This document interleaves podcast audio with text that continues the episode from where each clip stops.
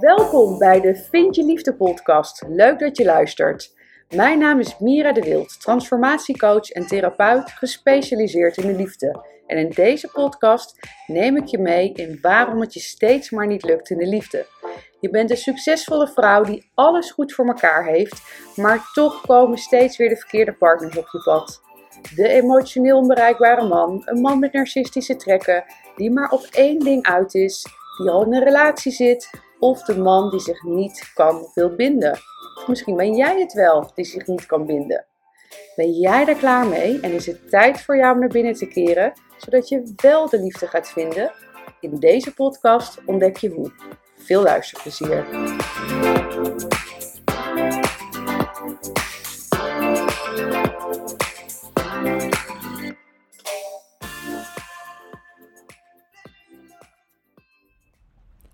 Ik had onlangs een heel leuk interview met Annette Burgers. Annette is relatiecoach en zij heeft ook haar eigen podcastkanaal. En zij interviewde mij met het topic liefdespijn, wat nu? En dit was zo'n ontzettend leuk gesprek waar zoveel inzichten uh, worden gedeeld. Dat ik het nou, zonde vond om dat niet hier op mijn kanaal te delen. Dus daarom vandaag de podcast Liefdespijn, wat nu? Samen met Annette Burger. Hi, wat leuk dat je luistert. Dit is Op zoek naar de liefde vanuit Amsterdam met Mira de Wild. Van harte welkom in je eigen praktijk. Ja, dankjewel. Kom je tegen ergens op Facebook of ergens op Instagram en toen dacht ik echt, hier wil ik meer van weten. Kan je jezelf even kort voorstellen? Ja, zeker. Mijn naam is uh, nou ja, Mira de Wild. Ik ben 41 jaar. Ik kom uh, oorspronkelijk uit Nijmegen. Ik woon inmiddels bijna 20 jaar in Amsterdam. Uh, sinds bijna 9 jaar samen met mijn dochter, die ik volledig zelfstandig opvoed. En daarnaast heb ik een bedrijf met twee takken eigenlijk. Mary I. Ik help vrouwen om van liefdespijn naar gelukkig zijn te gaan. En sinds dit jaar ook een uh, premium tak, zoals ik dat noem. Uh, omdat ik merkte dat ja, echt super succesvolle vrouwen die vastlopen in de liefde, dat daar best wel een taboe op zit. Hè? Want je hebt alles voor elkaar, behalve die liefde lukt maar niet. Dus daar heb ik nu een nieuw programma voor. En dan ook nog iets voor single moms, geloof ik. Nou, dat had ik inderdaad. Ja, daar ben ik, ik ben sinds 2014 ondernemer. En toen ben ik inderdaad begonnen met Happy Single Moms. Het was een, uh, een community voor alleenstaande moeders om ze met elkaar in contact te brengen. En uh, deed ik zelf persoonlijke ontwikkeling voor deze vrouwen. Um, loslaat van, van je ex is een, een, training die toen ontstaan is, die ik nu nog steeds heb. En daar merkte ik ook heel erg van, hey, eigenlijk alle vrouwen die ik, die ik help, daar zag ik echt een patroon in, in hun liefdesleven. Dus vandaar dat ik uiteindelijk ja, dat allemaal gebundeld eh, heb. En ik wilde een beetje af van alleen alleenstaande moeders. Ga je, je gaat jezelf daar ook heel erg mee identificeren. En dat, um, nou ja, ik zeg zelf ook altijd, ben een zelfstandige moeder. Ik vind alleenstaande moeder vind ik altijd een beetje een, ja, geeft een beetje een zielige ehm, toon of zo. Ik weet het niet. Het wordt vaak ook, dat, dat merk ik ook wel, wordt vaak ook als, uh, het kan makkelijk als excuus ingezet uh, worden. En ik zie het juist als kracht. Maar je gaat, ik ben natuurlijk meer dan alleenstaande moeder. En als je bedrijf eigenlijk ook zo op alleenstaande moeders is gericht, dan ja, die, die identificatie was, werd te sterk, om het zo maar te zeggen. Dus uh, toen ben ik deze weg ingegaan. Mhm. Ja. ja, dat komt hartstikke mooi uit. Hè? Dus uiteindelijk is het liefdespijn wat nu. Al mijn series heten wat nu. ontrouw wat nu. Gescheiden wat nu. Samengesteld gezin wat nu. Uh, geen seks, wat nu? En uh, nou, dan nu een, uh, een special over liefdespijn, wat nu? Mira, wat is jouw definitie? Ik vind het trouwens ingewikkeld, hè? Meri en Mira. En ik ja, haal het in ja, mijn ja, hoofd. ik heb iets met, met die letters. Dus als ik dat een keer verkeerd zeg, maar Mira. wat is jouw definitie van, van de liefde? Liefde. Ja, wat een mooie vraag. Wat is mijn definitie van de liefde? Kijk, liefde heeft natuurlijk vele vormen sowieso. Hè? Je hebt de liefde tussen uh, je partner, uh, je kinderen, vriendschappen. Maar we hebben het nu natuurlijk over uh, de partner. Voor mij is liefde in verbinding staan met jezelf en vanuit daar je verbinden met de ander en dus met elkaar. En daar kan mijn inziens ja, kan heel veel uit ontstaan. ja, ik denk dat, ik denk dat wat is liefde, dat het, dat het eigenlijk zoveel, dat er, er komen er zoveel woorden bij mij, bij mij op. Het is bijna moeilijk om dat te omvatten in één, in één zin. Mhm. Er komen heel veel woorden op. En als je woorden zou moeten geven aan je gevoel van liefde, Mhm, welk woord geef je dan aan het gevoel? Ja, mooie vraag. Dan is dat zeker warmte, geborgenheid, veiligheid, geluk. Ja, ik denk dat dat wel hele belangrijke woorden zijn voor mij. En dat is best wel eh, heel veel, hè, als we Ja. dat gaan nastreven om, eh, om dat allemaal eh, samen te vatten in, in één persoon uiteindelijk. Kan niet. Ben jij de liefde in een relatie tegengekomen in je leven? Heb je, of heb je nu een relatie? Heb nu geen relatie. Ik heb natuurlijk wel relaties gehad. En ik, ehm, ja, eigenlijk toen mijn laatste relatie overging, eh, dat was eh, ruim een jaar geleden. Toen heb ik echt besloten van, nou ja, toen ik voelde niet dat ik een relatie wilde. Ehm, mijn focus lag gewoon op andere dingen in het leven. en Ik had niet de behoefte. En ik vond het zelf ook wel een leuke uitdaging eh, van, nou, wat heb ik dat nodig? Ik denk dat de liefde, de echte liefde ook, de liefde kan natuurlijk altijd op je pad komen, maar wanneer jij nog het gevoel hebt de liefde echt nodig te hebben, hè, dus je hebt, eh, wat ik dan veel merk met vrouwen waar ik mee werk, die hebben eigenlijk een bepaalde leegte in zich, hè, een, een, ja, ik noem het zelf altijd een onbestemd gevoel. En dan wil je eigenlijk dat de ander, ga je dan, dan, dan hoop je als die, als hij, of zij kan natuurlijk ook, maar als hij maar komt, dan ben ik gelukkig. Dus dan zoek je eigenlijk de liefde buiten jezelf. En voor mij is pas als jij echt volledig alleen kan zijn. En het is, je vindt het ook fijn, hè? want er zijn veel vrouwen die zeggen, ja, maar ik kan prima alleen zijn. Ja, maar of dat je het ook echt fijn vindt, als je iedere avond, avond na avond maar alleen op die bank zit. Ja, volgens mij ben je dan compleet. En wat dan nog mag komen, is, is een aanvulling, maar geen invulling meer. En wanneer de ware liefde komt, ja, dat weet niemand. Hè? Dat, is, uh, dat heeft natuurlijk niks te maken met of je gefixt bent, om het maar even zo te zeggen, of niet. Want uh, ja, het kan wel zijn dat ik er klaar voor ben, maar misschien is mijn ware liefde, die zit zelf nog in een huwelijk waar, waarbij die nog dingen uit moet, uh, moet zoeken. En komt het pas over uh, 1, 2, 5 jaar, je weet het niet. Ja. Nee, precies. Um, de vader van mijn kinderen, uh, wij scheelden nogal in leeftijd. Uh, en dat vind ik altijd zo raar om me voor te stellen. Ik werd ooit uh, geboren in 1964 hier in, in, in Nederland, in Den Haag. Uh, en in Montevideo liep een 19-jarige Julio rond. En heel veel later, toen ik een jaartje of twintig, dus twintig jaar later, ontmoeten wij elkaar uh, in Den Haag. Dat kan je, je kan het je niet, niet bedenken eigenlijk. Uh, om het zo voor te stellen is het echt super raar dat je niet weet waar je elkaar gaat ontmoeten. Ja, ja. En, en hoe en hoeveel jaar je samen doorgaat. Ja. Wauw, mooi. Mooi verhaal ook. Maar het, het, het is inderdaad zo. Want, um, en daarnaast ook natuurlijk, het kan overal. Hè? En, want ik zeg ook wel, stel dat ik nu naar Amerika zou verhuizen, dan neem ik aan dat daar is er, is er ook iemand. Of als je naar Afrika verhuist, er zijn natuurlijk meer personen waar je, waar je liefde bij kan gaan voelen. Precies, hè? meerdere matches uh, gelukkig. Uh, wat voor een voorbeeld heb jij gezien over de liefde vroeger thuis? Ja, ik kom uit een um, ja, prima gezin van buitenaf. Hè? Dus uh, vader, moeder, broertje, ik, hond, leuk huisje. En we ben opgegroeid in een, uh, in een dorp bij Nijmegen. En uh, nou, mijn ouders die zijn ook nog steeds bij elkaar. Ik kom denk ik wel uit een traditioneel gezin. In, in de zin van hoe we dat vroeger kenden. Hè? Van traditioneel. Dus vader werkt, moeder is thuis. Mijn moeder heeft wel gewerkt, maar uh, ja, was toen echt nog wel de generatie dat toen zij zwanger was van mij, was ze directrice van een basisschool en moest zij haar ontslag indienen omdat ze zwanger was. Heeft later nog wel, uh, wel even gewerkt als kleuterleidster, maar is uh, mee gestopt. Dus, dus mijn moeder was eigenlijk altijd thuis. Mijn vader was veel aan het werk. En ehm, ja, wat ik tussen hun heb gezien, hoe zou je dat omschrijven? Ja, prima is denk ik eh, eh, het woord. En eh, dan is de vraag natuurlijk, wat is prima? Ik heb niet per se gezien van, oh, wat mega liefdevol. ook niet van dat ik trauma heb omdat mijn ouders een, een rotrelatie hadden.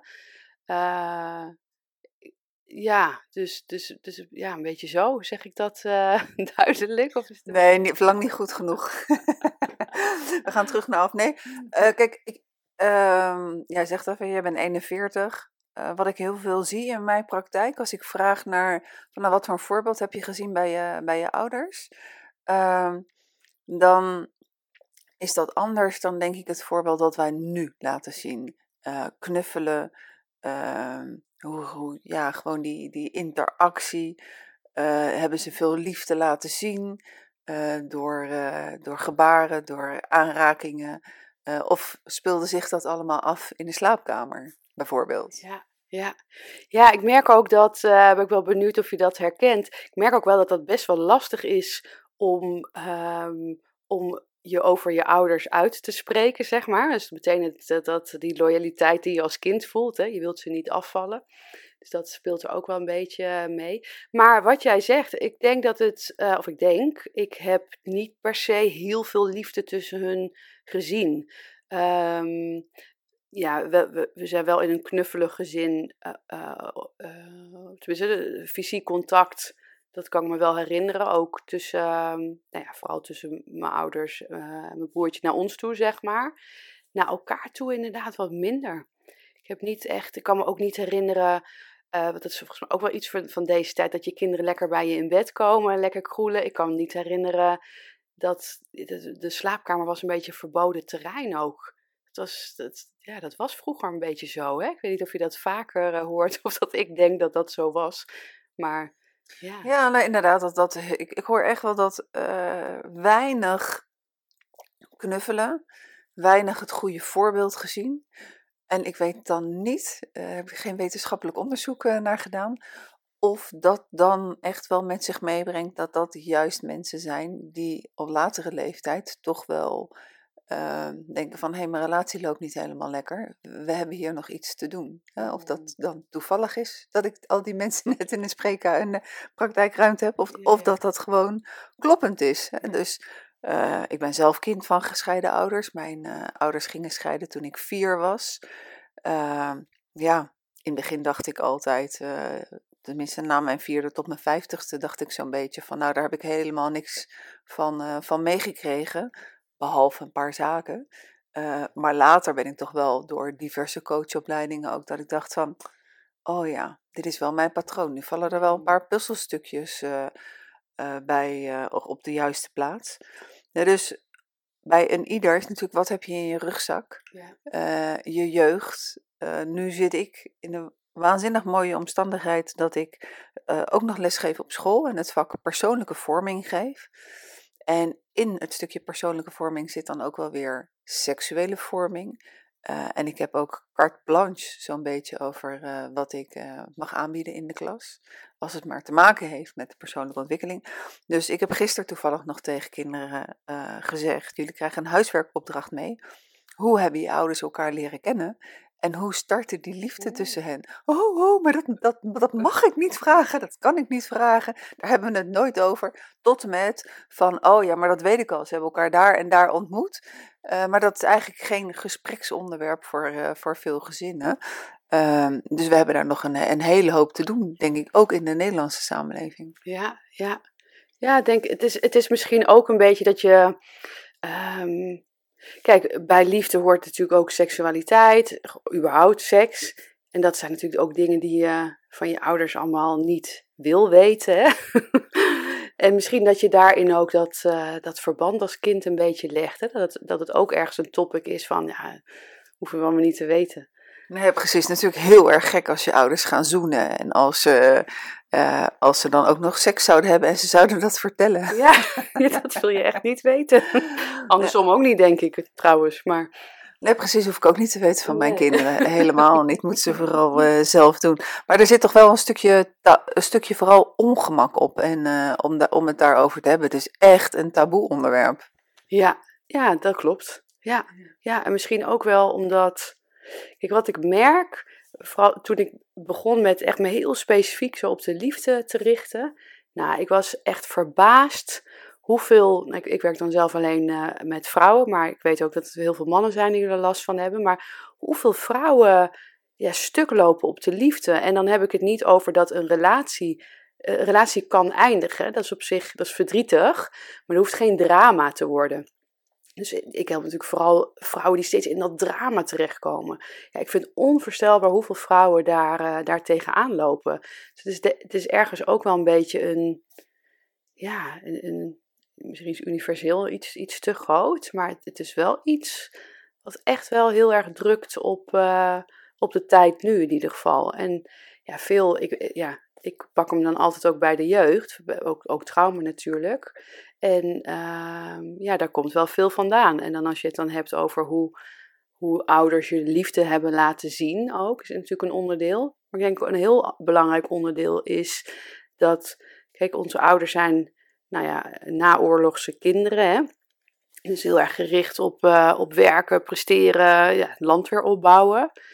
Dus de meeste van ons zijn niet echt vanuit gevoel opgevoed. En ik denk dat daar een, heel, uh, een hele belangrijke in zit.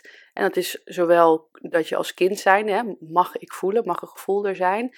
Maar dus ook vanuit ouders, waar je, even een lang bruggetje naar waar, we het over hadden. Dat dat ook dus niet per se normaal tussen aansteeks is om gevoelens te, te tonen en te uiten en het daar dus over te hebben. Ja, en is, is dat een van de patronen die je ziet bij al die uh, hoogopgeleide vrouwen die het toch lastig vinden om de juiste keuzes te maken met betrekking tot de liefde?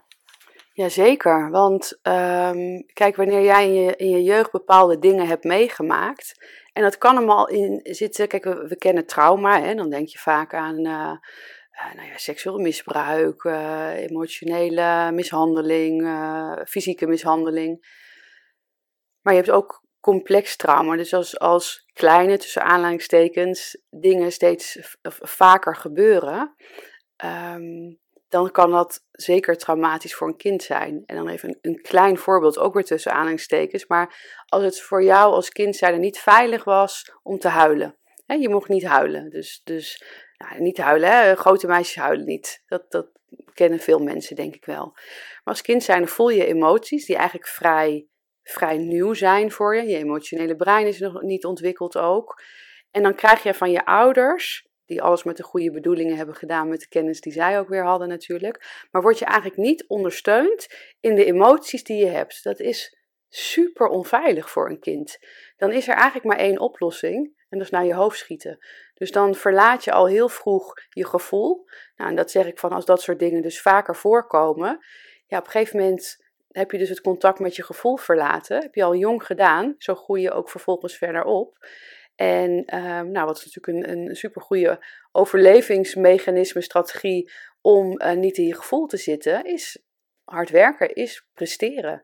En dan kan het er zomaar zijn dat je daarmee ook heel veel hebt bereikt. Je hebt daar wel, ja, daar, daar, haal je ook heel veel goede dingen uit. Je overlevingsstrategieën, die hebben, ja, er zijn ook heel veel positieve dingen aan.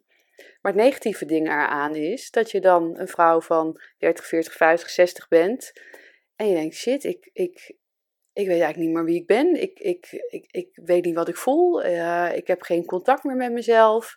En vanuit daar dus, als dat contact er niet is, waar we het in het begin eigenlijk al over hadden, dan, maar je voelt wel een bepaalde leegte. En daar kun je niet naartoe, omdat je niet meer weet hoe. Ja, dan, dan is het uh, een, een valkuil om het bij een ander te gaan zoeken. En als je afhankelijk bent ergens in, uh, van de liefde van een ander, ja, dan trap je toch wel. Er is grote kans dat je in de valkuil trapt van. Ja, um, ik had foute mannen ook tussen aanhalingstekens. Want ja, wat is, wat is in de basis fout? Hè? We zijn allemaal goed geboren. En uh, met fout bedoel ik wat, wat in ieder geval niet goed is voor jou. Mm. Wat geen goede relatie is voor jou. En waar die drama dus uit ontstaat. Ja, want je hebt er een heel mooi e-book over geschreven, Geen Foute Mannen meer. Ik heb met veel plezier uh, en ook wel wat pijnpuntjes uh, gelezen. Wel hier en daar een confrontatie met mezelf, dat ik inderdaad dacht van, oh ja, die, uh, die, die voel ik ook. dus we, foute mannen, het zijn eigenlijk ook uh, ja, misschien meer foute keuzes van jezelf om je daarmee in te laten. Maar het is natuurlijk makkelijker om te zeggen, het ligt aan die man. Ja, ja dat, dat is veel makkelijker. Want kijk, een vinger wijzen, dat, dat spreekwoord hoor, als, je, als je één vinger naar de ander wijst, wijs je er vier of vijf naar jezelf. In ieder geval wat meer. Maar het is makkelijker om naar de ander te wijzen, want dan kan je het ook weer buiten jezelf ja, zoeken dan kun je een ander de schuld geven. Dan hoef je zelf geen verantwoordelijkheid te nemen. Want zelf verantwoordelijkheid nemen betekent ook, ik moet naar die pijn toe die daar eigenlijk onder zit. Maar dat is eng, dat is spannend, je weet niet wat je tegen gaat komen. Je, uh, veel vrouwen die zijn bang ja, dat ze gewoon niet meer kunnen blijven staan. Dus ja, dan is het makkelijker om die ander maar de schuld te geven. Want als je naar jezelf toe moet, ja, dan wordt het wel ingewikkeld. Mm Voordat we zo naar uh, je e-book verder gaan, uh, heb jij een, een type foute man waarvan je zelf ooit de verkeerde keuze mee hebt gemaakt? Nou, daar heb ik echt. Ik zeg altijd, ik, heb, ik had op een gegeven moment een strippenkaart op de foute man. dat is echt. Uh, nou, dan denk ik, dan kunnen wij een podcastserie over maken. ja. ja, nee, zeker. Ik, uh, kijk, als het. Als het uh, kijk, voor mij is echt de foute man, hè, is een, is een man die die zich totaal niet, die totaal niet begaand is met jouw emoties. Dat is voor mij wel fout. Kijk, want uh, je kan natuurlijk ook zeggen, emotioneel onbereikbare partners zijn foute mannen. Maar die hebben er, die is ook een onvermogen van hunzelf natuurlijk. Hoewel dat eigenlijk bij die andere foute mannen, zeg maar, ook, ook net zo is. Hè? Dus dat is natuurlijk, uiteindelijk komt het daar allemaal wel op neer. Uh, maar ik denk, in, in, als we het in de volksmond hebben over een foute man, dan zijn dat doorgaans wel de mannen die, eh, ja, die gewoon doen wat zij willen. En er niet en ongeacht of ja, als jij je uitspreekt van ik wil iets. Een, mooi voorbeeld daarvan is bijvoorbeeld een, uh, een bezette man of getrouwde man.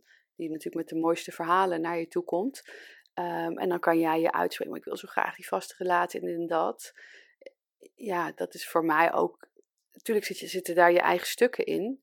Maar dat is, ja, dan bekommert de ander zich dus niet om. Uh, wat jij wil. En liefde is toch ook dat je. Ehm, ja, liefde is ook dat je je bekommert om de ander.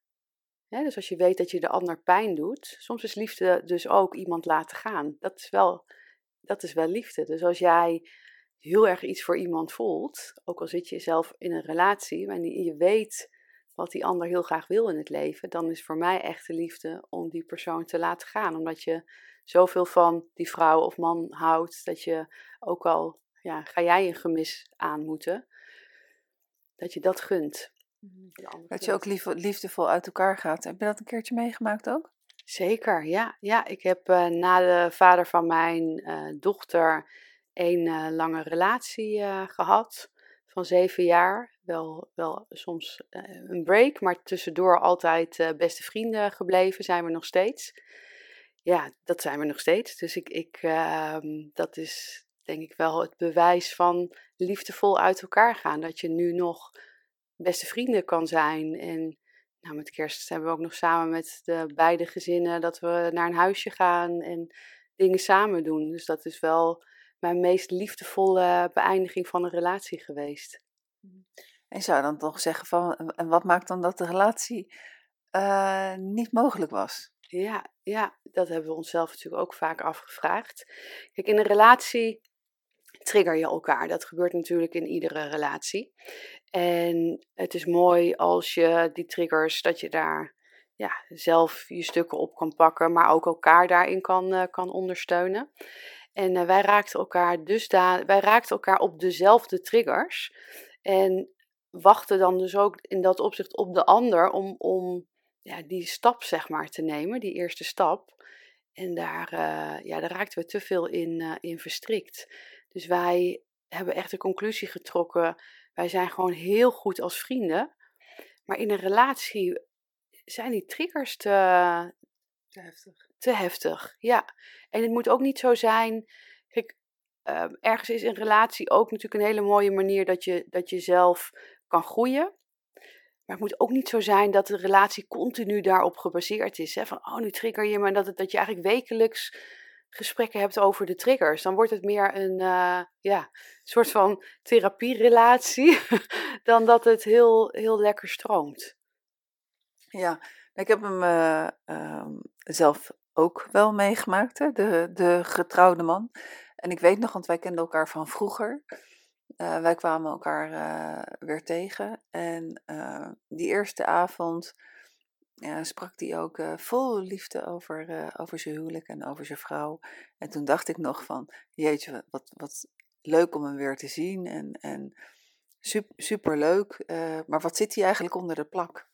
Uh, en uh, nou, behoorlijk wat jaartjes verder, waarbij uh, een, een, scheiding ook meer dan tien jaar duurde, ehm, had ik zoiets van, ja, dat gevoel wat ik die avond had, van wat zit hier eigenlijk onder de plak, ehm, met mijn eigen thema van wat is mijn plek, en, en dan zeker in het samengestelde gezin,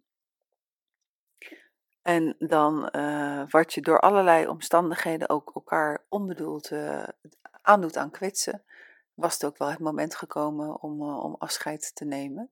Na overigens een, een, een, hele prachtige tijd en, en, zeer zeker een heel mooi afscheidsweekend. Um, en daarna vanuit liefde niet doorgaan in vriendschap, maar vanuit liefde amputeren. Ehm, helemaal, uh, bijna helemaal weg uit elkaars leven. Om elkaar ook de ruimte te geven uh, om weer helemaal open te staan voor, uh, voor het nieuwe. Zo hebben wij het opgelost. Mooi, ja, heel mooi. Want dat is, ja, soms is dat ook wel nodig. Hè? Want inderdaad, als je in elkaars energie blijft, dan kan het ook moeilijk zijn om je, om je open te stellen voor voor een ander. Dat heb ik ook bij mijn ex-partner, dus die ervaring ken ik ook wel. Nu is het zo dat onze gezinnen gewoon ook heel erg geïntegreerd zijn. Dus ik zie dat ook niet. Ja, die, die meisjes die kennen elkaar. Hij heeft twee dochters, ik één. Dus die meisjes zijn. Ja, mijn dochter weet niet beter dan dat zij er zijn.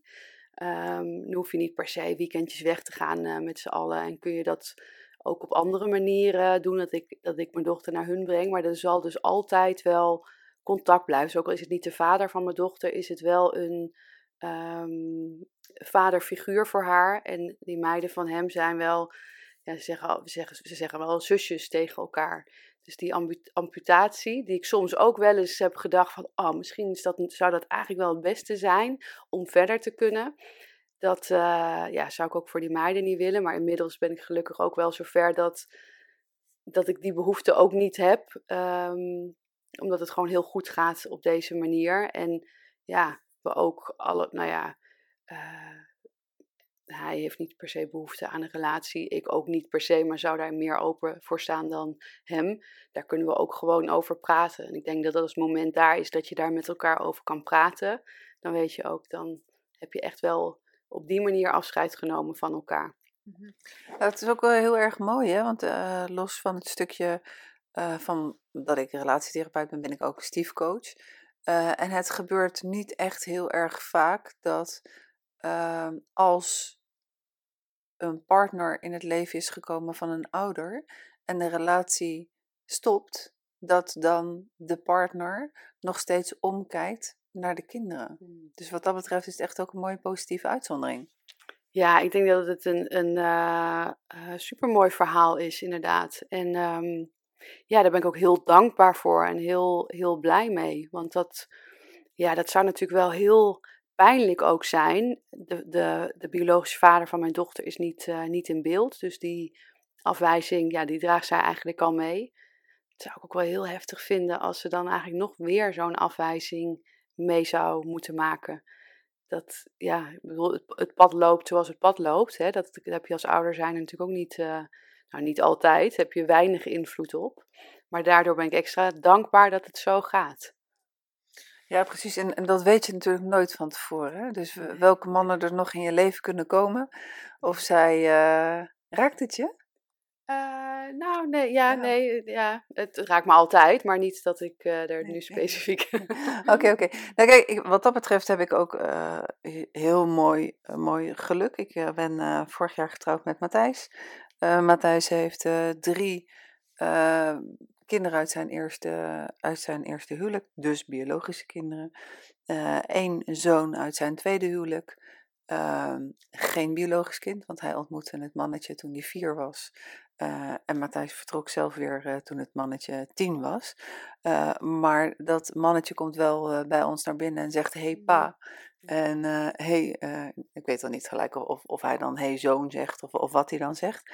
Eh, maar er is contact. En als wij strakjes in, in de maand mei met het hele gezin op vakantie gaan, dan is dat mannetje er ook bij. Dus die hoort er ook nog steeds bij. Dus we zijn een samengesteld gezin vanuit drie gezinnen. In plaats van Oh. vanuit twee gezinnen. Dus zo kan het ook. Hè? Maar hoe vaak gebeurt het ook niet dat, eh, dat de partners eh, gewoon doorgaan, eh, inclusief ondergetekende. Ik heb sinds. dus ik was eerst gescheiden, daarna overleed de vader van mijn kinderen. Maar sinds die tijd ben ik wel wat mannen tegengekomen. Ehm, en ik heb geen contacten meer met die kinderen. Want ik denk dan van ja, die mannen ze hebben weer andere vrouwen ontmoet. Die kinderen zitten ook helemaal niet te wachten op mij. Maar dat kan. Weet je, het kan- Ja, er zijn eh, mooie uitzonderingen. Ja, ja en, ik, en, en dat kan ook. Hè. Ik denk dat het daarin ook belangrijk is om het eigenlijk ook ja, te, te vragen hè, aan kinderen. Dat, eh, wat, ze, wat, ze eigenlijk, wat ze eigenlijk willen. En eh, ja, het is, het, is, het is natuurlijk ehm, ja, een beetje een andere kant voorbeeld. Maar net zoals dat je dan eh, ook schoonouders natuurlijk ooit he- hebt. En waar je heel goed contact mee kan he- hebben. En dat wil je eigenlijk ook wel houden. En op een gegeven moment gaat dat ook niet meer. Hè? Dan, dan krijgt die ander ook weer een relatie. Daar wordt hij allemaal eh, gevoelig. En zo kan dat natuurlijk met kinderen ook wel. Die moet zich ook maar dan aanpassen. Want er komt er weer een nieuwe partner. En die zit er dan ook daarin in de loyaliteit. Is best wel. Ja, daar weet jij nog meer van dan ik natuurlijk. Maar dat is best wel complex. En zo kan het ook zijn als je, en ook al heeft de vader of moeder echt langere relaties, maar zo kan een kind natuurlijk eh, drie eh, stiefmoeders of vaders hebben gehad en daar allebei overal een goed gevoel bij hebben gehad. Maar ja, wat moet je daar dan vervolgens mee? Hè? Het lijkt me best wel heel erg lastig voor kinderen. Ja, ik vraag me op, oprecht af wat dat doet met eh, de volgende generatie, met, met hechting. Eh, en wat dat betreft eh, kan ik ook naar mijn eigen kinderen kijken. Die hebben wel wat mannen voorbij zien, zien komen. Maar ik merk wel dat vooral bij mijn dochter, die is dus op dit moment 30, eh, en, mijn, en mijn echtgenoot, ehm, dat zoals zij met elkaar omgaan, dat is nog niet eerder geweest op, die, op dat level. En eh, dat was ook heel snel. Via Instagram heeft zij toen hem opgezocht. heeft ze contact gemaakt. En toen hadden ze ineens, ineens een, een telefoongesprek van anderhalf uur. En, en daarna was er ook contact. eh, zeg maar buiten mij om. Dat was nog bijzonder om te merken.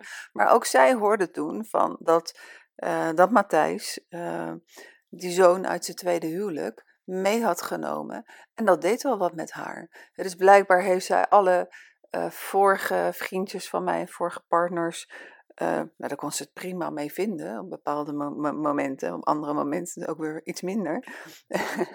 maar eh, nou, die heeft ze geaccepteerd als, als mijn partner. of tenminste als, als mijn vriendjes. En nu is er iets van iemand die dan toch...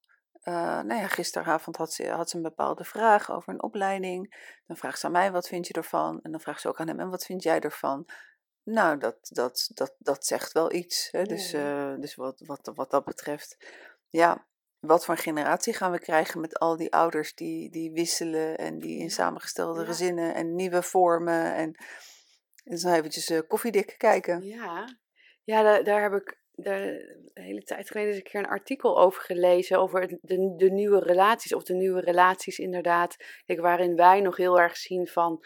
eh, of in ieder geval daar naar verlangd hebben. Of nog hebben. Hè, van, eh, of nog hebben. Dat kan eigenlijk al niet meer. In die zin van. Je gaat trouwen. Je krijgt kinderen. En je blijft voor altijd bij diegene. En ik zeg dat kan niet meer. Omdat het, ja. Ik ga ik heb al een kind van iemand anders, dus dat, dat plaatje zoals je het voor je zag, dat gaat niet meer gebeuren. Ja, is dat, is dat nog wel hoe de volgende uh, generatie het gaat zien? Of wordt het meer van, ja, je hebt gewoon een relatie die is leuk zolang dat die leuk is. En daarna heb je weer voor een bepaalde periode een andere relatie. Is dat een ideaal plaatje? Ik weet het niet. Ja, daar gaan we wel naartoe, hè? Alleen blijven we wel die sprookjes voorlezen. Want ze leefde nog lang en gelukkig. Ik denk dat er wat sprookjes herschreven moeten worden. Door onder andere Esther Perel. En misschien wel door jou en door mij. wel wat nieuwe sprookjes neerzetten. Dat uh, je, bent, je blijft bij iemand zolang, uh, zolang je echt daar gelukkig mee bent. En zolang je echt op jezelf, op je gevoel kan vertrouwen. En zo niet, dan is blijkbaar de houdbaarheidsdatum over. Ja. En dan... Uh, dan maar, dat vind ik wel een kleine maar. Ik heb wel het idee dat. Kijk, het, het, we weten als je op een bepaalde leeftijd bent en je hebt meerdere relaties gehad, dan weet je ook wel dat gas is niet altijd groener. Hè? En dat is natuurlijk wel dat ik denk dat. Uh, nou ja, jij bent relatietherapeut, dus, dus, dus je hebt natuurlijk mensen die bij je komen omdat het niet meer werkt, maar dat ze het wel graag willen. En ik denk dat veel mensen ook wel iets te snel opgeven. Van, oh, het is niet meer leuk. En oh, er komt even iemand anders voorbij. Het is ook makkelijk om nieuwe mensen, weet je, met al die online apps, om even iemand uh, te, scoren. te, scoren. inderdaad. Um, ik denk, ja, maar soms moet je er ook even doorheen om vervolgens weer in die piek terecht te kunnen komen. Want wat, wat ik heel erg jammer vind van niet zo'n hele lange relatie, uh, weet je, dat ik van, inderdaad vanaf mijn 25ste bij iemand ben, is dat je maakt zoveel mooie dingen mee in je leven. Ik heb bijvoorbeeld heel veel mooie reizen gemaakt. En daar kan ik met jou over hebben. En dan kan je zeggen, oh wat leuk. Uh. Maar het is toch anders als je met degene kan delen waarmee je die reizen hebt gemaakt. Dat geeft een hele andere ja, connectie ook. En dat ga je natuurlijk niet krijgen als je steeds maar een andere partner hebt. Ik denk dat dat wel heel mooi is aan een lange relatie hebben. Dat je ook de momenten samen kan delen.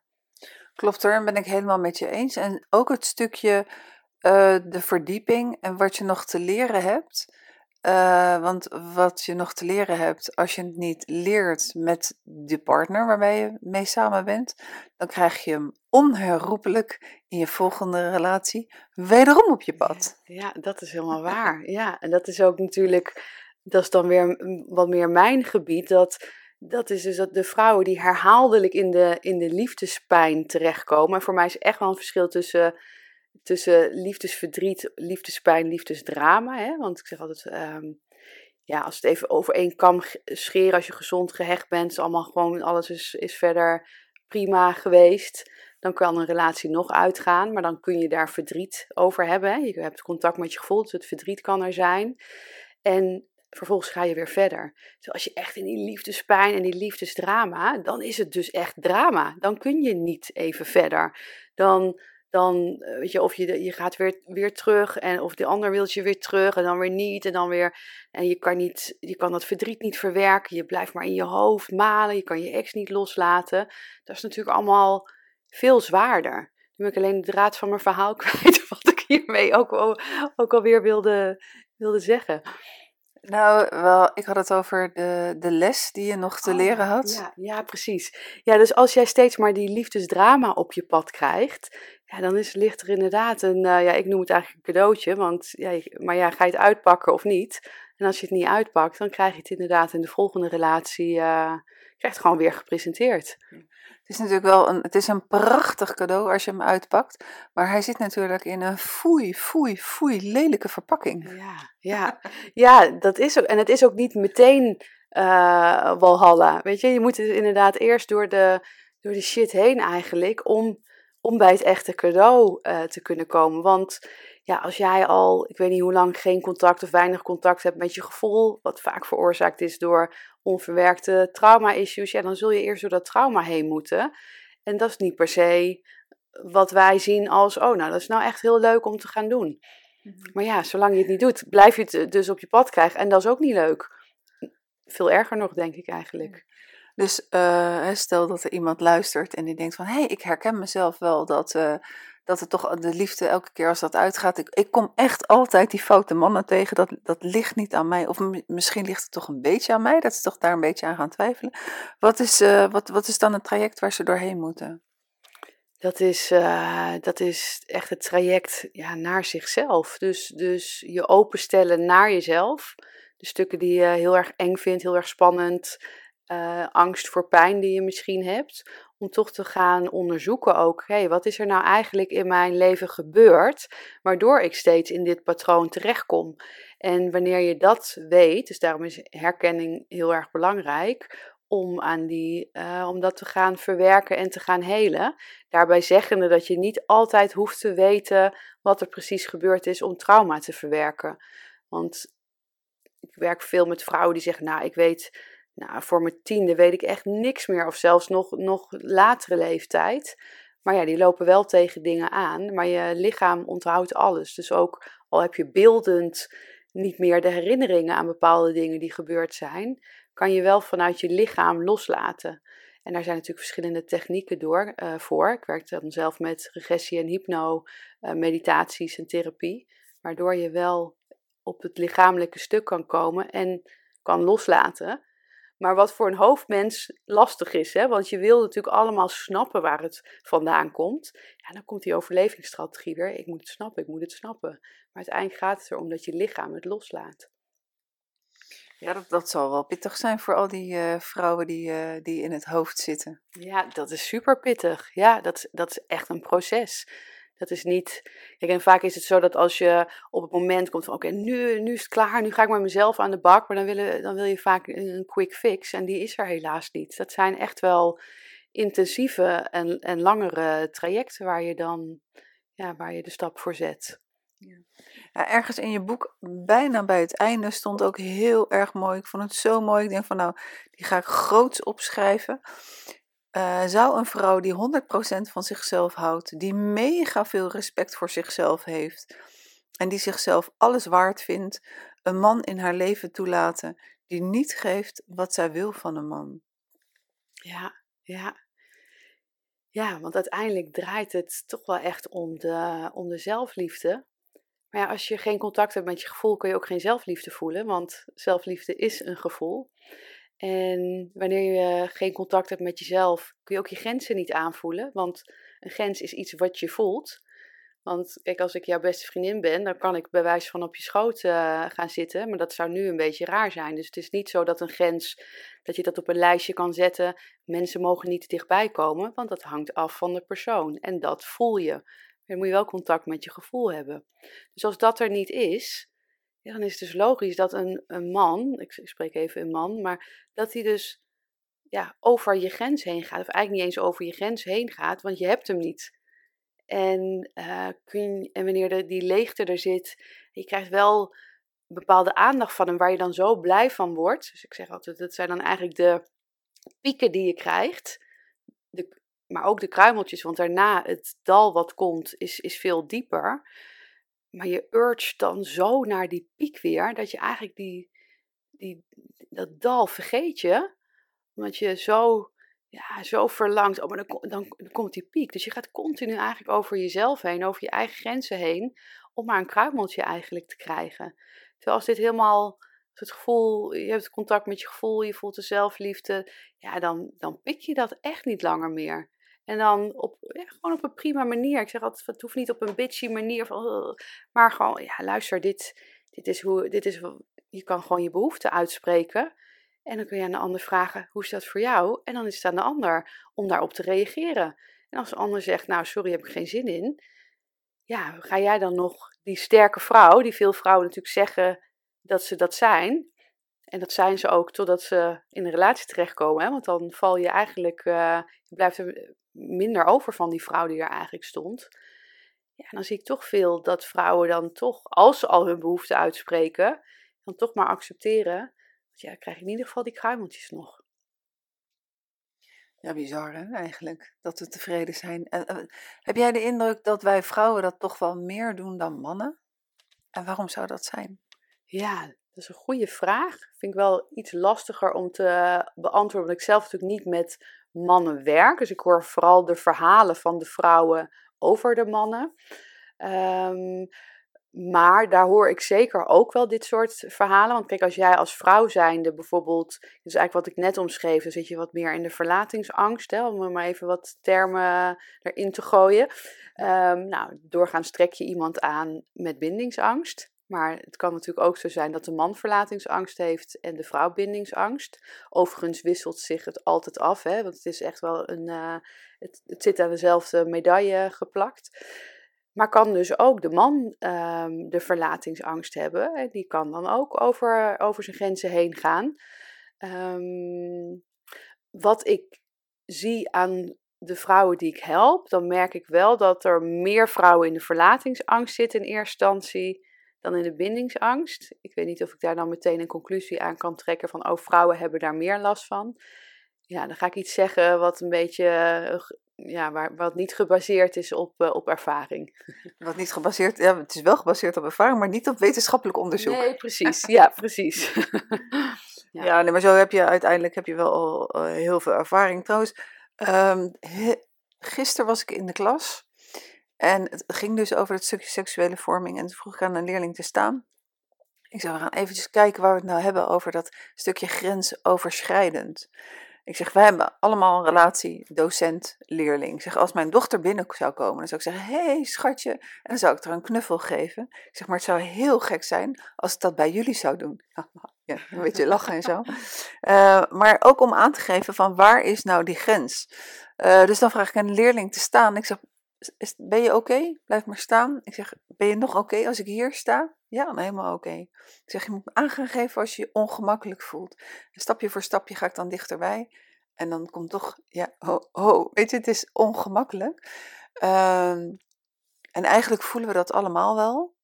Uh, maar is het heel lastig om als de ander die grens van jou uh, binnenkomt, om dan dat stukje hoog te zeggen. Dat is natuurlijk nu helemaal in alle publiciteit. Ja, ja. Dat we daar meer openheid aan moeten geven en meer die grens van onszelf moeten bewaken. Ja, dat. En, en ook. Um, want ik, ik herken, ik, ja, iedereen denkt, of tenminste niet iedereen, maar als, ik als vrouw in ieder geval denk daar dan wel over na. Ook van, goh, is dat mij nou ook uh, ooit overkomen? En het is, het is niet in de zin van, oh, uh, ja, verkrachting of misbruik. Maar er zijn wel situaties geweest waarin ik het eigenlijk niet wilde. En dat ook in eerste instantie aan heb gegeven aan de man. En dan drink je wat. En dat een man je dan toch gaat verleiden. En het dus toch gebeurt. Maar je uiteindelijk daar wel heel veel spijt van hebt. Dus dan is het niet. Weet je, je hebt geen nee gezegd. Dus het is niet dat. Maar het is ook niet. Uh, dat is ook niet oké. Het is niet oké als een vrouw eigenlijk heeft aangegeven: ik wil dit niet. En dan eigenlijk ja, een beetje manipulerend. Je bent er zelf bij als vrouw zijnde. Dus ik zal niemand nu gaan aanklagen voor verkrachting of zo. Maar het geeft, het geeft geen fijn gevoel. En ik denk wel dat je ook als man zijnde het respect mag hebben naar de vrouw toe. Uh, ja, ook sowieso een vrouw daarin het is dan eigenlijk een beetje dat je echt een lustobject bent, hè? Want het gaat dus in deze dan niet meer om, hé, hey, wat wil die vrouw? Nee, ik wil, ik wil seks. En als ik dit en dan, ik draai even aan die knoppen en dan krijg ik het. Dat is ook niet oké, vind ik. Nee, klopt, ben ik helemaal met je eens. Ik had een, uh, een buurman die draaide in eerste instantie niet aan alle knoppen, maar die, die legde elke dag een, een liefdesbriefje neer. en dat uh, dagenlang, wekenlang. Uh, uiteindelijk ben ik daar ook voor gezwicht en ik dacht van tevoren van, nou, met deze man wil ik echt geen relatie. Achteraf dacht ik, en hoe ben ik er nou toch weer in gestonken? En dan ga je dat wel analyseren. En het is, weet je, gedane zaken nemen geen keer. Ik denk van, nou, daar heb ik er wel weer wat van geleerd. Um, en dat is ook zo.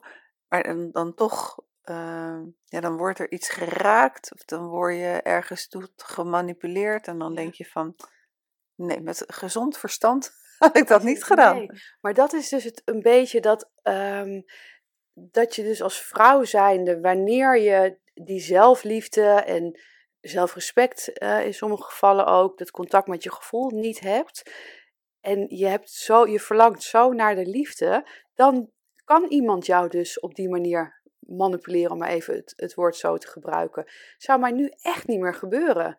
Dat durf ik echt met zekerheid zeggen, want dat, ja, dat is nee.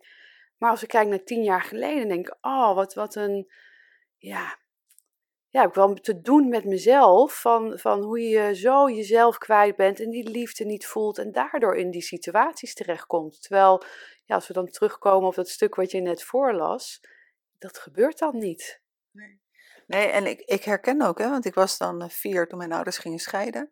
Ik ben dus niet gewend uh, om thuis te komen dagelijks en dat er een vader was. En dat ik dan het prinsesje van mijn vader was en, en die onvoorwaardelijke liefde dagelijks te ervaren. En dan ben ik verder, uh, vind ik, uh, niks tekort gekomen. Maar het is niet iets wat ik gewend ben. En toen ik op latere leeftijd dan een man tegenkwam, die ook letterlijk zei van, ja, als ik een vaas heb en er staat één bloem in, die prachtig aan het stralen is, dan is dat genoeg voor mij. Daar kreeg ik het ongelooflijk benauwd van, terwijl dat eigenlijk was wat ik zo graag wilde. Ja, dat is, dat is, dat is zo gek, maar het is, um, ja, ik zeg zelf altijd, we hebben een, uh, een, een blauwdruk. Hè? De blauwdruk wordt gecreëerd eigenlijk min negen maanden, dus in de buik al, maar laten we zeggen 0 tot 7 jaar. En alles wat daar ja, gebeurtenissen, ervaringen, die sla je op. Het worden je imprints. En dat is ook jouw ervaring met wat liefde is. En wat liefde is, is datgene wat je, wat je voelt, ervaart en ziet. Maar als dat niet helemaal top is, om het maar eventjes zo te zeggen, dus een vader is afwezig of, je hebt een, of die is er wel, maar is emotioneel onbereikbaar, dan is toch dat jouw imprint van de liefde. Dus dan kun je op latere leeftijd vanuit je hoofd denken van ja, maar ik wil het zus en zo.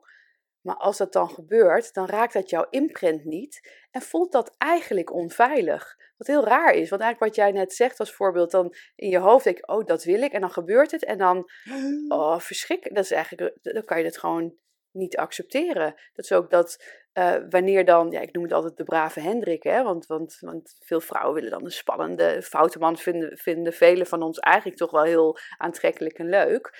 Um, maar ja, die voldoet niet aan dat ideaalplaatje. Dan komt die brave Hendrik, waar je een hele goede relatie mee zou, uh, zou kunnen hebben.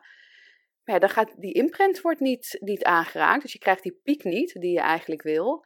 Ja, dan denk je, ja, maar dat, dat hoef ik niet, want het is niet wat ik gewend ben. En daar, daarin zie je dus ook hoe belangrijk het is om die traumastukken te gaan verwerken. Zodat je ook die imprint eigenlijk weer uh, iets anders kan gaan laten voelen. Ja, en daar gaan dan soms nog wel eens wat jaartjes overheen. Ja, helaas wel, ja. Gelukkig uh, heb ik die tijd gekregen om er wat jaartjes uh, overheen te laten gaan. Um, ik vind het wel eventjes heel erg leuk om, om naar, die, naar die foute mannen signalen toe te gaan, naar die triggers. Um, los van wat alle dames voor zichzelf te doen hebben. Hè, dat is de, de lange, hmm. de, de goede weg. Maar wanneer zouden die alarmbellen nou, uh, nou aan moeten gaan slaan. Ja. Ik heb ze gelezen, maar heb je ze paraat in je hoofd? Of heb je er een paar? Nou, ik heb, ik heb niet mijn e-book paraat in mijn hoofd, maar ik heb er zeker wel een paar.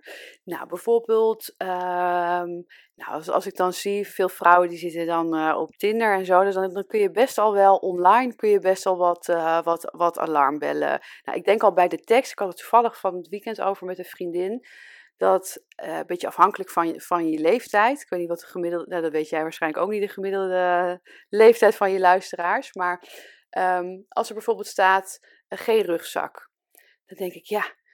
Uh, vanaf je waarschijnlijk 30, iedereen heeft een rugzak. Dus eigenlijk rugzak, geen rugzak is hetzelfde als ik wil gewoon seks. Dat, dat zou eigenlijk in een profiel al meteen een alarmbel. Want je kunt, nou ja, ik ben dan 41 vanuitgaande dat, dat een partner rond die leeftijd is, nou, dat kan bijna niet zonder rugzak. Hè? Het hoort er ook een beetje bij. Um, dus dat is, dat is echt wel, wel een, een, dat zou voor mij al een rode vlag zijn. Maar ook in gesprekken, bijvoorbeeld, uh, dat vertelde ook een, een klant van mij, dat Um, dat die hadden ze eigenlijk nog amper gesproken. En dat hij zei: Ja, maar ik heb alles, alles gewist. Ik ben alleen maar met jou uh, aan het praten. Dus dat iemand eigenlijk alles stopzet voor jou terwijl die je nog niet eens is in het echt heeft gezien. is voor mij ook een rode vlag. Want je kent de ander nog niet. Dus waar zet je het, waar zet je het voor stop? Nou, uiteindelijk is dat ook. Uh, zij voelde dat al, was al een beetje aan twijfelen. Maar ik ben niet. Kijk, uiteindelijk mensen moeten hun eigen beslissingen nemen. Hè? Dus ik, ik kan ze daarin in, in, uh, vragen stellen. Maar uiteindelijk moeten ze natuurlijk zelf doen. Ja, ik ben niet een, uh, je kan niet als coach, therapeut iemand aan de hand uh, houden. En je moet ook je eigen fouten maken om ervan te leren.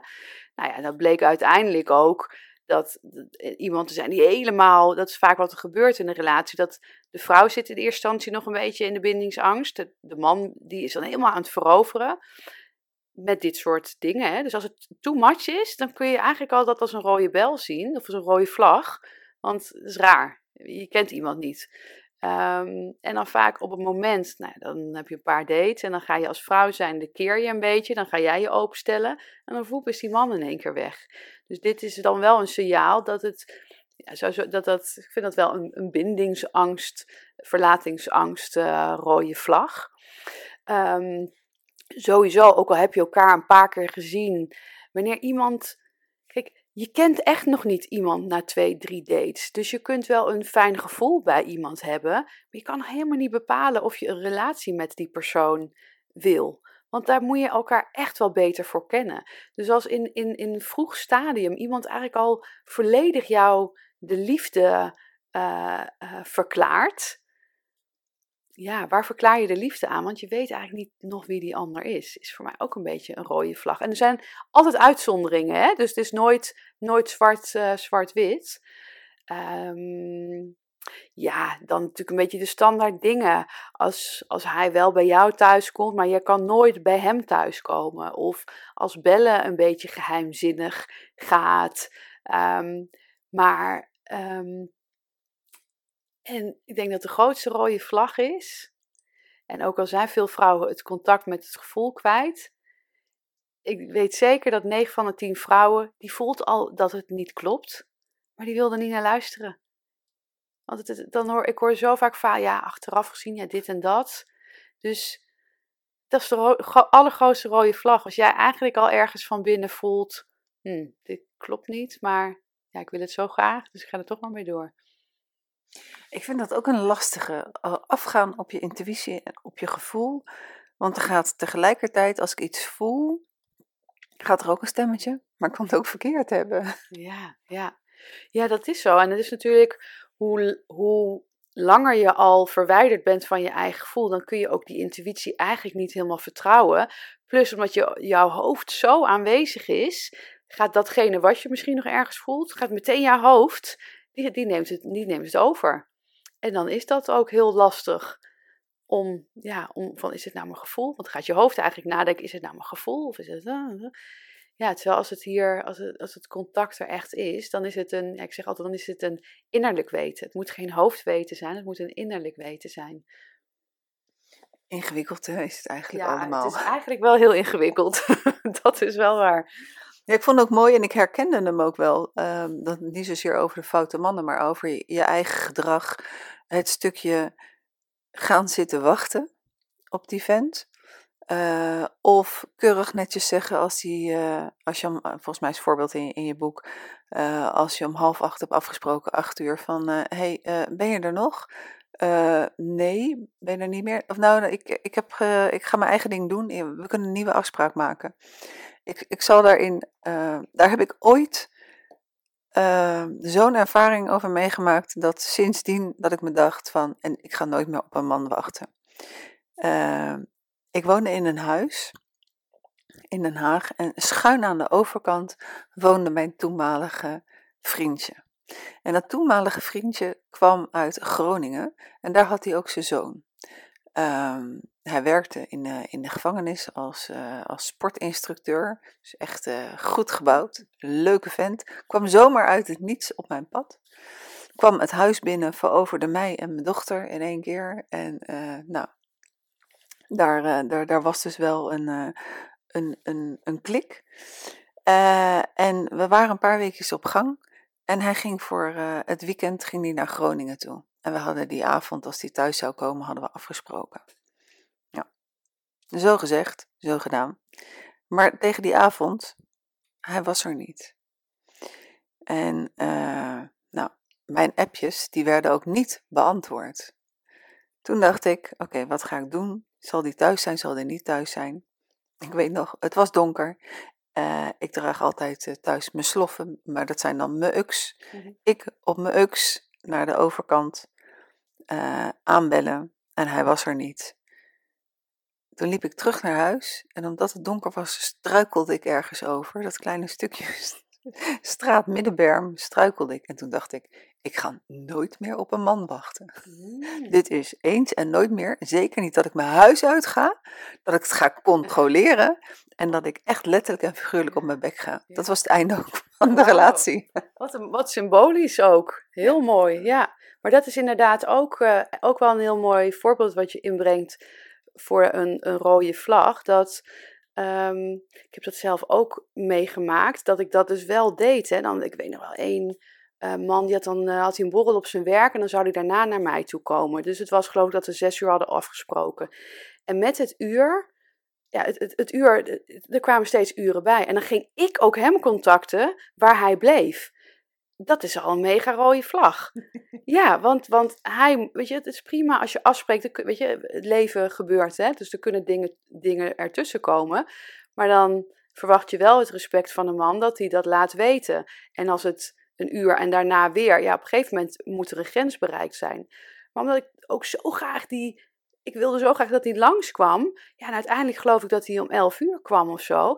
En ik doe ook gewoon nog de deur open, dat ik achteraf denk met gekke Henkie. Ja, terwijl. ehm, Het is hier geen hotel. Nee, nou ja, dat ook inderdaad. En nou ja, toen ik al die processen natuurlijk zelf ben aangegaan en eh, daarin eh, gefixt ben, tussen aanhalingstekens. Hè. We hebben allemaal, eh, volgens mij tot we onze laatste adem uitblazen, onze dingen te doen. Maar de, de, de, ehm, een date die ik, die ik heb gehad tussen, tussen de relatie door, zeg maar, hè, want we natuurlijk af en toe uit elkaar zijn geweest. Ja, dan was het ook iemand die hadden we om half negen afgesproken. Mijn, mijn dochter was toen ook wat eh, jonger, dus ik had me zorgen dat zij op bed ligt. Weet je, dus je allemaal je moeite te doen. En eh, eh, nou ja, toen was het kwart voor negen. En toen appte ik, ben je later? Hè? Of, nee, nee, nee, ik appte, ben je oké? Want dat is ook een goeie, hè? Want je wil niet, je wil niet van, oh, maar gewoon, ben je oké? Weet je wel, want je bent, ja, ik stap nu in de douche en dan kom ik naar jou. Terwijl die om half negen bij mij zou zijn. Ik zei, nou, dat hoeft niet meer. We spreken inderdaad wel gewoon vriendelijk. We spreken wel iets anders af. En dan maar kijken hoe dat loopt. Want dan vind ik wel, nou, dan mag iemand daar echt wel initiatief eh, in nemen. Maar je hoeft echt niet meer te komen als we om half negen hebben afgesproken gesproken. En je stapt om kwart voor negen nog in de douche. Terwijl ik denk, 9 van 10 vrouwen die de zelfliefde niet voelen, die zeggen: Oké, tot zo. Ja, daar, daar, eh, daar, daar ga ik me niet meer voor, eh, voor lenen. Nee. Mooi eigenlijk, hè? Uiteindelijk. Uiteindelijk super mooi. Ja, kijk, ik ben heel dankbaar voor alle shit eigenlijk waar ik in heb gezeten. Want hoe mooi is het dat je daar, dat je daar zelf doorheen kan gaan. En vervolgens, eh, nou ja, vanuit de kennis, vanuit opleidingen natuurlijk, maar ook vanuit je ervaring eh, andere vrouwen daarmee kan helpen. Ik denk dat dat, ja, ik kan het niet anders willen hebben, omdat ik echt oprecht begrijp waar die vrouwen in zitten, omdat ik er zelf ook heb gestaan. Maar gelukkig nu wel aan de andere kant. Ja, precies. Ik denk ook wel eens van, ik zou eigenlijk een excuusbrief moeten schrijven aan al mijn exen. van, zeker degene waarbij ik eh, niet geheel trouw ben geweest. En, ehm, eh, eh, maar ze hebben mij ook ongelooflijk veel geleerd over eh, eh, nou ja, alles wat met relaties te maken heeft, eh, met samengestelde gezinnen te maken heeft. Eh, en ben ik hen in ieder geval super dankbaar voor, voor alle lessen die ze mij geleerd hebben. Wie heeft jou eh, de, de, de, ja, misschien de meest pijnlijke, maar misschien ook de meest mooiste les in de liefde gegeven? Ja, ja dat is dan toch wel de vader van mijn kind geweest, die dus volledig niet meer in het spel is. Dus je kunt je voorstellen, dat is mijn grootste liefdespijn ooit geweest. Eh, dubbele pijn eigenlijk, hè? want je voelt hem voor jezelf en je voelt hem ook voor je, voor je dochter. Maar die relatie, daarvoor was ik ook echt wel wel bezig met persoonlijke ontwikkeling. En het is dan grappig, hè, want dat zie ik ook vaak gebeuren. Dan ben je een beetje bezig en denk ik, oh, ik ben er. Dat had ik toen ook, oh, ik ben er. Nou ja, toen kwam ik toch hem tegen, dus ik, ik was er toch echt nog niet. En dat is voor mij wel, na echt wel een periode van slachtofferschap, heel erg boos zijn, heel erg vingerwijzen. Alles was zijn schuld. Dat, dat hoort ook een beetje, dat is ook wel een fase hè, van, van, eh, van verwerking. En ehm, op een gegeven moment zag ik, eh, mijn, mijn dochter was een heel vrolijk meisje. Ik denk dat ze een maand of acht was of zo. Ze zat in zo'n wipstoeltje, dus ik weet niet, ik weet niet hoe oud je dan ongeveer bent. En dat ze zo boos keek.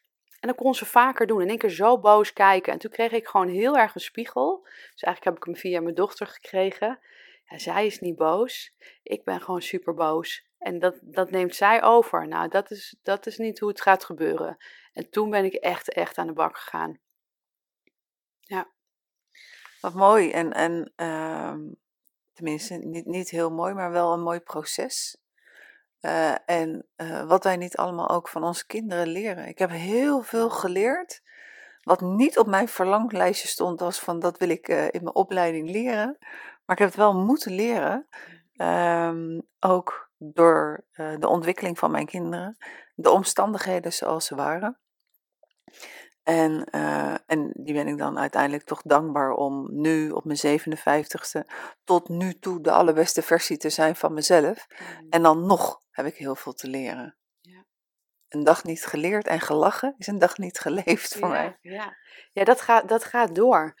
Dat, dat zie ik allemaal. Ik heb dan een, uh, een jaartraject en dan, uh, nou, daar, daar, gebeurt ontzettend veel in. Maar toevallig had ik vorige week een afsluiting van, uh, van een groep hier live uh, op kantoor. Nou, dan, dan hoor je prachtige, prachtige verhalen van echt transformaties die uh, die vrouwen doormaken. Een vrouw die dan mijn online traject heeft gevolgd, die, die, ik ook nog nooit had gezien, ook niet tijdens mijn, mijn online momenten. Die zei, Mira, je hebt zoveel voor mij betekend zonder dat je het wist. Maar je hoort natuurlijk ook vrouwen die echt, die, die, die zeggen, ja, maar dit is, is pas, dit, is nu, dit is het begin. En ook al heb je natuurlijk een mega transformatie doorgemaakt, dan alsnog is dat het begin. Want er zijn zoveel transformatieprocessen. Er zijn, we hebben ook niet maar één kindwond. He, er is, er, we, worden niet maar door één ding getriggerd. En ook al heb je die trigger, dan geloof ik daarin ook dat, je, dat het is als een ui. Dat het is iedere keer wordt die trigger, die is er misschien nog, maar die wordt steeds zachter. Dus je hebt, je hebt heel veel af te pellen. Dus als je eenmaal begint met de persoonlijke ontwikkeling, nou, dat, uh, dat is uh, denk ik inderdaad oneindig. Uh, Mira, over dit onderwerp, er valt natuurlijk nog honderdduizend dingen over te zeggen. maar wat heb ik je niet gevraagd en wil je in dit gesprek dan nog graag aan toevoegen? Oh, wat een lastige vraag. Um, Jeetje, nou ik moet zeggen dat ik vind dat je ontzettend goede vragen stelt. Dat we echt wel best wel de diepte in zijn gegaan met, uh, met topics. Ja, wat zou ik nog willen toevoegen? Nou, wat ik nog wel zou willen toevoegen is misschien een beetje aanvullend op wat ik al uh, vertelde. Maar dit proces aangaan is ook echt rete spannend en rete eng. Dat is niet zoiets als ik koop even een treinkaartje naar... Uh, waar dan ook. En uh, let, let's go. Dat, dat is spannend. En dat, dat mag ook gezegd worden, mag je ook naar jezelf toe erkennen. Maar dat de, het proces van eigenlijk in dit stuk blijven zitten, hè, dus als je, dat, als je dat heel erg herkent, die liefdespijn en die liefdesdrama, dat is veel pijnlijker en veel zwaarder dan uiteindelijk ja, dapper zijn. Want ik vind het wel echt dapper om naar dat binnenste gevoel toe te gaan. Want vanuit daar gaat, gaat de berg weer. Uh, gaat de berg omhoog? Is dat een goede uitdrukking? Nee, want het is eigenlijk heel zwaar een berg omhoog. Ja, zeker als je op de fiets gaat en het is, uh, het is uh, meer dan 40 graden. Ja, maar dan gaat het pad zich zien. Ja, ja, of misschien dan de berg. Dat eigenlijk het proces is, is echt nog wel even een klim. Maar als je dan daar bovenop staat, ja, dan heb je de vrijheid. Dus eigenlijk is het toch wel symbolisch een mooi, ja. mooi voorbeeld. Ja. Ja, en, en eh, ik denk dan zelf altijd maar van, uh, als mensen nog niet die stap kunnen nemen, dan is blijkbaar de pijn ook nog niet pijnlijk genoeg. Dat is ook zo, ja. En, en daarnaast kun je ook verslaafd zijn aan je eigen ellende. Dus dan kan de pijn wel heel groot zijn, maar wat jij net ook zei van die stemmetjes, ons onderbewuste, die we altijd weten waar die aan toe is. En als zit je altijd in de liefdesdrama, dan weet je wel waar je aan toe bent. Maar die onder, dat onderbewuste en die, ja, die bep op je schouder, die is, die is zo dominant aanwezig. Ja, daar luister je dan, kun je vaak eerder naar luisteren dan die eigenlijk die diepste innerlijke stem uh, waar, waar, dat verlangen, waar dat verlangen zit. Ja, dus uiteindelijk liefdespijn wat nu? Liefdespijn wat nu is, onderzoek naar jezelf. Ja, ja ik zeg altijd, de, uh, de enige manier is uh, volledig in contact staan met jezelf. Zelfliefde weer voelen. Dat is eigenlijk de enige manier om, om de juiste partner aan te trekken. Mooi, Mira. Nou, even voor uh, als, als laatst. Uh, dat boek, hè, Geen Foute Mannen meer. Uh, los van het feit dat ik er een uit, inmiddels bijna een uitreksel van gemaakt heb. uh, dat is een dingetje voor mij. Ik moet altijd lezen en dan nog eventjes schrijven en dan komt dat uh, beter in mijn, in mijn hoofd. Um, is dat te bestellen bij je? Is het te koop? Het is te koop, inderdaad. Uh, even uit mijn hoofd, 7,99. En, uh, en het e-book Geen Foute Mannen meer. Dat is uh, te bestellen op, ja, ik heb dus twee takken. Hè? Dus je zei, um, ja, Mary I is dan de naam van dat bedrijf, verbastering van mijn naam. En de I staat voor, voor ik. Dus maryI.nl slash gratis. Daar is dat e-book te bestellen. En miradewild.nl daar staat ook nog een gratis videoserie, driedelige videoserie. Van zo ga ik ook succesvol worden in de liefde.